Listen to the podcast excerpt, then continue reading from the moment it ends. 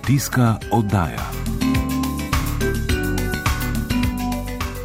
Lepo pozdravljeni in dobro jutro voščin. Prijazno vabljeni k poslušanju današnje oddaje, v kateri bomo uvodoma govorili o ekološki pridelavi in predelavi oziroma konkretneje o kontroli. Tega.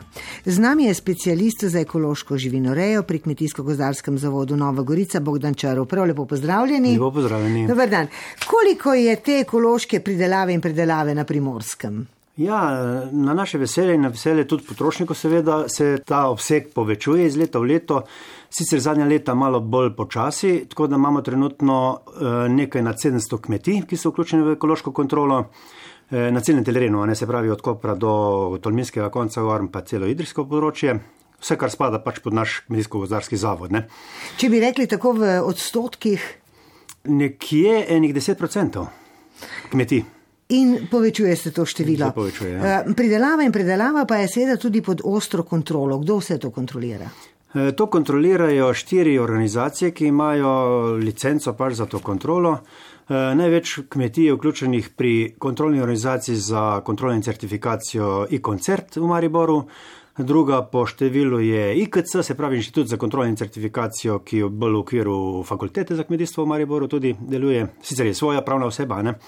Uh, potem so pa še dve, Biro Veritas in pa še ena nova, ki pa zelo, je zelo, skoraj nobena kmetija ni pač vključena tam.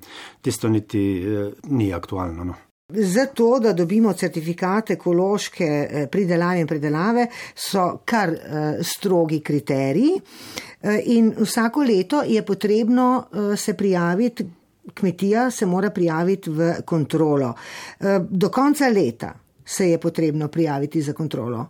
Ja, pravzaprav v ekološko kontrolo se lahko kmet, kmetije prijavijo kadarkoli, ven- vendar je najbolj smiselno in taktično, če se prijavijo do konca tekočega leta, ker v naslednjem letu pol že lahko uveljavljajo tudi subvencije, recimo, ki prihajajo na ta račun za to ekološko pridelavo. Uh, Po drugi strani eh, pa uh, novi, ne, ki se vključujejo v to ekološko kontrolo in začne teči tudi eh, preusmeritveno obdobje, ki traja recimo v živinoreji in pa v poljedelstvu dve leti, v čebelarstvu eno leto, pri trajnih nasadih, se pravi vinogradi, sadovnjaki pa tri leta. Eh, In v teh treh letih ali pa dveh letih v tem preusmeritvenem obdobju eh, lahko uveljavljajo ekološki kmetje, teli novi, tudi malo višjo subvencijo, pravzaprav eh, li zaradi tega, ker še ne posedujejo certifikata in na- ne morejo še tržiti kot ekološke izdelke, ampak eh, imajo pa povečane stroške in več dela prav zaradi te preusmeritve in v tem smislu je tudi subvencija malo više v teh dveh, treh letih. Pravzaprav prijava za to kontrolo je eh, kar zahtevna zadeva. Obrazci so kar zahtevni, eh, v njih eh, morajo prijavitelji predvideti vse mogoče. Tako imenovane ekokritične točke na kmetijskem gospodarstvu, pa bi se morda malo skozi to sprehodili, kaj je tisto, kar morajo prijaviti. Ja, pravzaprav eh, v teh prijavnih obrazcih, ki so res precej obsežni, ker danes pač imamo proposod ogromno te birokracije in administracije, nažalost, eh, drugače ne gre zgleda. Pač opišejo kmetijo, a ne kmetje. Prijaviti se morajo v kontrolo vsako leto tudi eh, tisti, ki že imamo certifikat, recimo, ne, ki so že vključeni v več let v to ekološko kmetovanje. Nekaj več dela pa imajo teli novi, ki se prijavljajo na novo. Ne. Teh je recimo na primorskem vsako leto tam nekje od 20 do 30 eh, novih kmetij. Eh, In novost je v zadnjih letih tudi, da poleg osnovnih podatkov, ki jih eh, napišejo kmetiji na te obrazce prijavne, eh, opišejo kmetje sami tudi tiste, kar ste že omenila, kritične točke na kmetiji. Tu lahko recimo na teh kritičnih točkah prihaja do nekih nenamirnih ali pa mogoče celo namirnih napak ne, ali pa nepravilnosti na kmetiji. Eh, Večino so te kritične točke vezane na površine, kjer se ta ekološka pridelava odvija. Ne. Eh, Deloma mogoče pri fitofarmacevskih sredstvih, se pravi pri sredstvih za varstvo rastlin pred škodljivci, boleznimi, eh, ker tudi v ekološki pridelavi imamo v okviru dovoljenih pripravkov, ne, eh, ki so navedeni v prilogi 1 uredbe 889 skozi 2008, to je uredba Komisije Evropskega sveta, pa tudi naši pravilniki to določajo eh, slovenski, ki se nanašajo na ekološko pridelavo. So navedene vsa ta sredstva, ne, recimo in gnojila, ki so dovoljena v ekološki pridelavi, to so večinoma gnojila, recimo, ki so naravno pridobljena, ne fosfati recimo ali pa kaljeve soli. Nikakor pa ne recimo iz tovarn, če rečem po domače, ne se pravi sintetično ali pa fabriško proizvedena gnojila, NPK, kani, ure in tako dalje. Mm. Isto velja tudi za fitofarmacevtska sredstva, ki morajo biti pač v Sloveniji registrirana. To je prvo, to je tako isto velja tudi za konvencionalne kmetije, ki pač škropijo ne, svoje rastline, svoje pridelke in jih varujejo s temi fitofarmacevtskimi sredstvi. Eh, po drugi strani pa, eh, kakor sem že prej omenil, eh, morajo biti navedene tudi v tej uredbi, ne za ekološko pridlavo, morajo biti dovoljene za ekološko porabo. Ne. Nekatera so, recimo, žvepleni pripravki ali do neke mere ali pa bakreni pripravki, nikakor pa ne sintetično pridobljena fitofarmacevtska sredstva, tisto so pa strogo prepovedana. Ne. Tako da tu, tu so lahko kritične točke. Recimo v ekološki pridlavi je možno tudi, da se kmetija, mi jim pravimo delne kmetije, vključi v ekološko pridlavo le z določeno panogo. Ne. Se pravi, recimo imamo kmetijo, kjer redijo drobnico ali pa govedo, hkrati imajo pa še vinograd. Ne.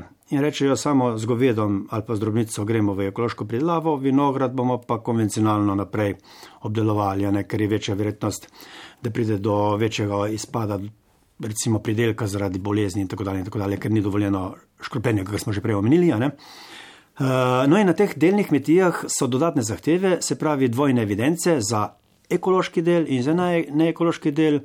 Običajno je tudi dvo, dvojna kontrola, dvakrat na leto kontrola, ker klasično, recimo, če rečemo tako, uh, prihaja kontrola ekološka enkrat na leto, obvezno na kmetijo.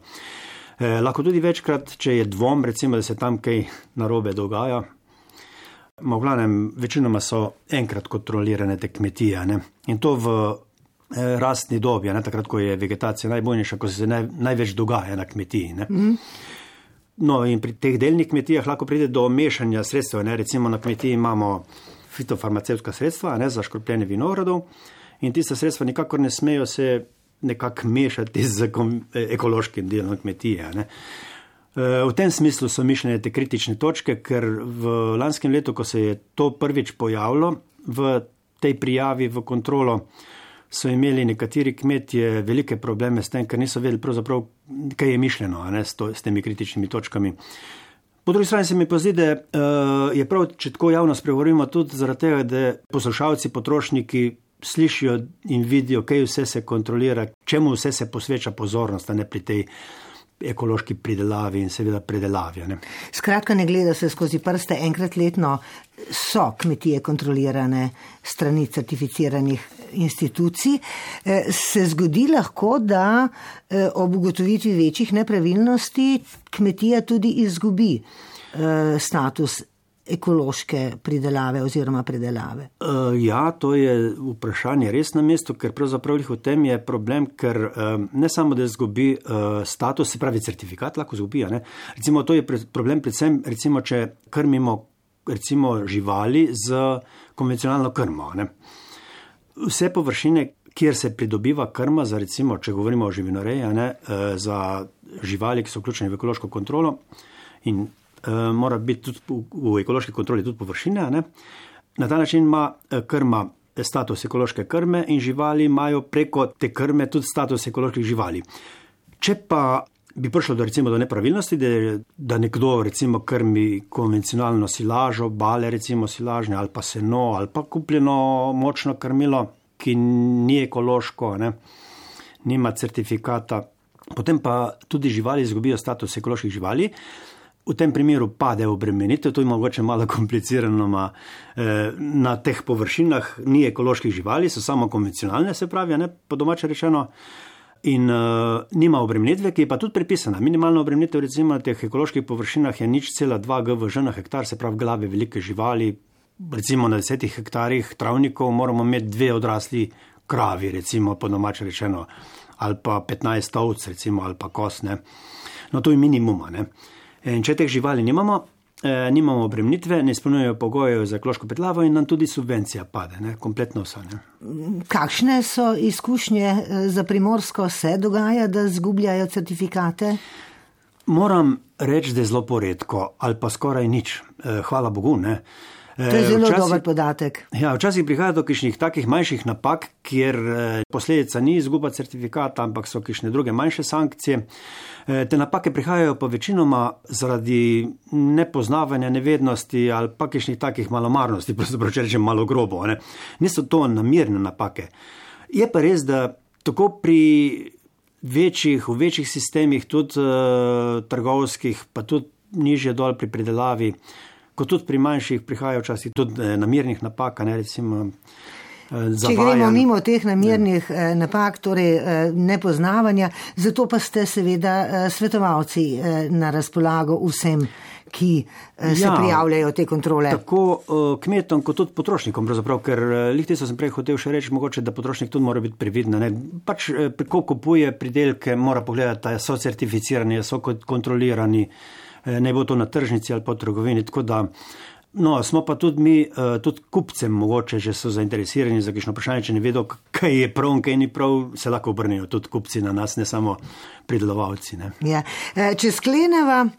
Bi lahko rekli, na našem območju, če govorimo za primorsko, so potrošniki lahko mirni glede tega, da če ima certifikat, da je ekološko, potem to tudi je. Ja, jaz bi rekel celo za konvencionalno hrano, da v Sloveniji, ne samo na primorskem, je zelo, zelo o, lahko zaupljivo, če rečemo tako. Ne. Ekološka pa toliko bolj, ker kontrolna služba eh, kontrolira ne samo domačo pridelavo, ampak tudi uvoženo, uvožene ekološke pridelke, grejo tudi še skozi našo kontrolo eh, iz recimo Evropske unije ni tak problem, ker je pravilnik več ali manj isti. Problem so lahko tretje države, države tretjega sveta, eh, kjer imajo mogoče malo bolj blage pravilnike in mogoče nekateri ekološki izdelki iz tistih držav skozi našo kontrolo niti ne grejo. Ne. Tam pa je potrebno biti bolj previden. Ja. Bogdan Črno, najlepša hvala, hvala za te vam. zelo zanimive informacije. Ja, jaz bi samo še voščil lepe praznike, pravzaprav, če je prav malo zgodaj, pa srečno v letu, ki prihaja. Ne.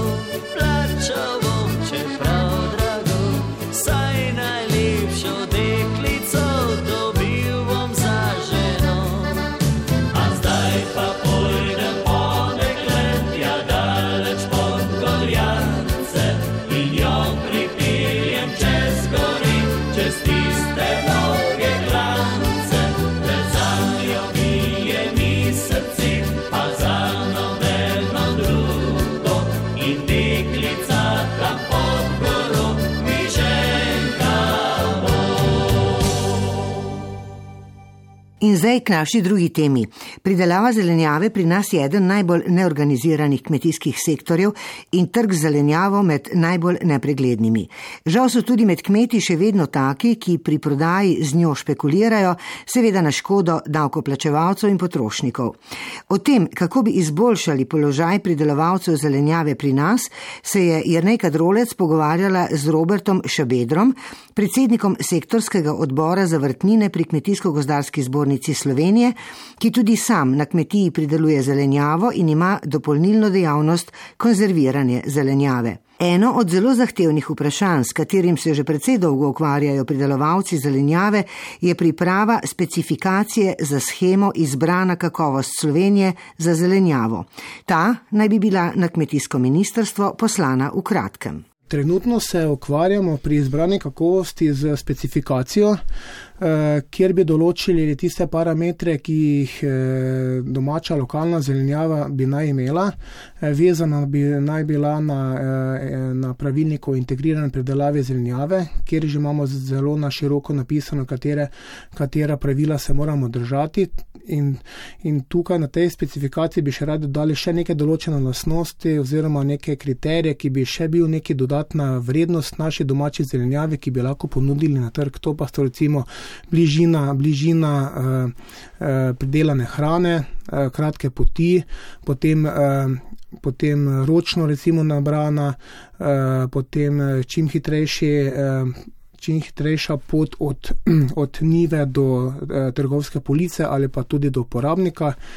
Eh, tukaj smo nekje na, recimo, skoraj okrog 80% smo že specifikacije napisali, zdaj čakamo, čakamo, da to pošljemo na Ministrstvo za kmetijstvo, da nam pove, če zadostujejo ti kriteriji ali če moramo kaj pripraviti, kaj novega, da potem vidimo, kje.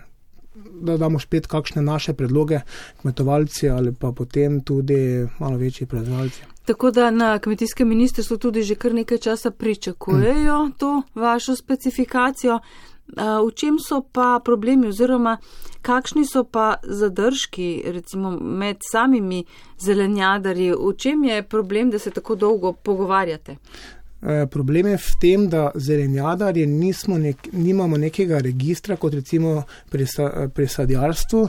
E, neki, e, na ministrstvu bi morali narediti neki register, ki bi bili vsi proizvajalci oziroma eh, vsi tisti, ki tržimo hrano oziroma predelujemo zelenjavo, vpisani. Eh, naš predlog je bil, da bi se ti, ki predelujemo zelenjavo, izvzeli izbirni vlog, ki jih ima potem Agencija za eh, kmetijske trge, da bi jih potem tam vse te not zajeli. Je pa tudi problem, da vsi niso. Eh, vpisani v, v, ta, eh, v to zbirne vloge, ker ne dajo te subvencijske vloge. To pa potem pri nas problem, eni smo not, eni pa nismo. Ne? In zdaj, zakaj bi potem pri izbranju kakovosti eh, samo eni plačevali tisti prispevek, ostali pa ne, ne?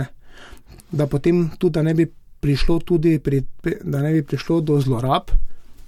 Pri, pri recimo po domače povedano, pri prek, prekupčevanju, recimo, Tako, ali pa tu recimo smo tu veliki kmeti, ampak ma, pa tudi mali kmeti.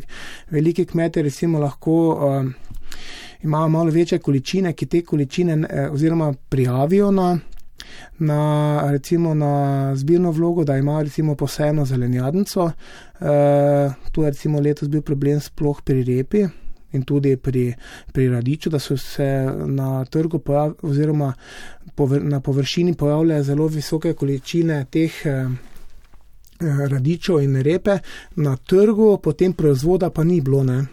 Uh -huh. uh, torej, pri, to smo zdaj že pri teh plačilih, Plačili, za ja, proizvodno vezanih plačilih, ja. kjer dejansko nekateri zlorabljajo sistem, Tako. lahko bi temu rekli tudi goljofija. Ja. Uh, in potem na agenciji za uh, kmetijske trge, trge ugotavljajo velike napake. Tako.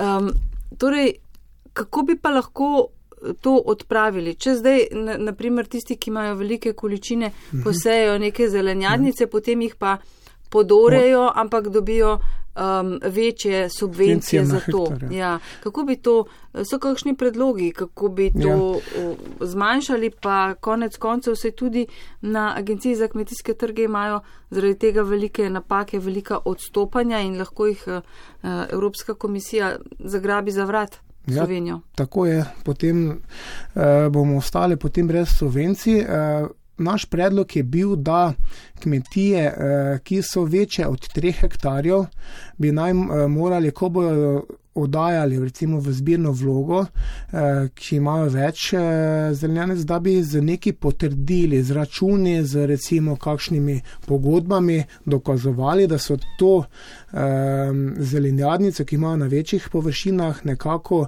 nekam tržili, da so jih potem, da vemo, da so, ali so dali v trgovine, ali so dali v kakšne večje industrijske obrate ali pa kaj, ali pa kaj, ali pa kaj podobnega. Uh mhm. -huh. Eh, sicer je pa nekako povezano z oblikovanjem scheme izbrana kakovost Slovenije tudi vprašanje eh, ustanovitve organizacije proizvajalcev.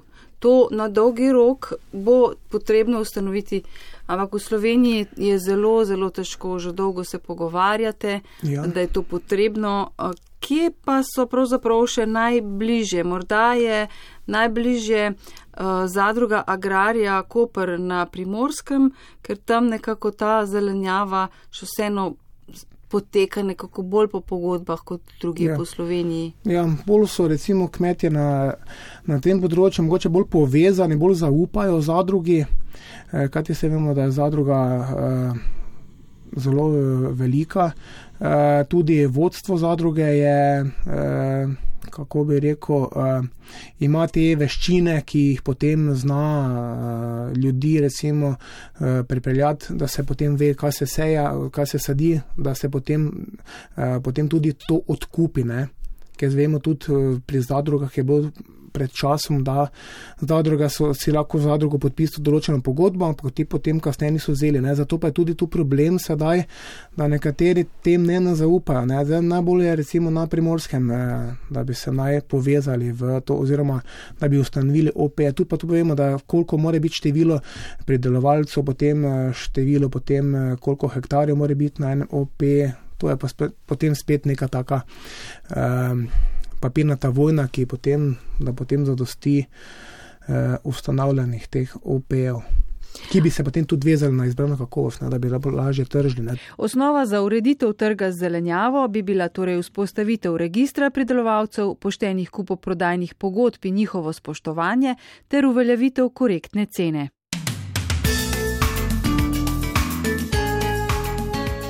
Za danes zaključujemo. Hvala za vašo pozornost. Prijetno nedeljo in lep teden želiva Ingrid Kašca Bucik in Boštjan Simčič. Pa srečno!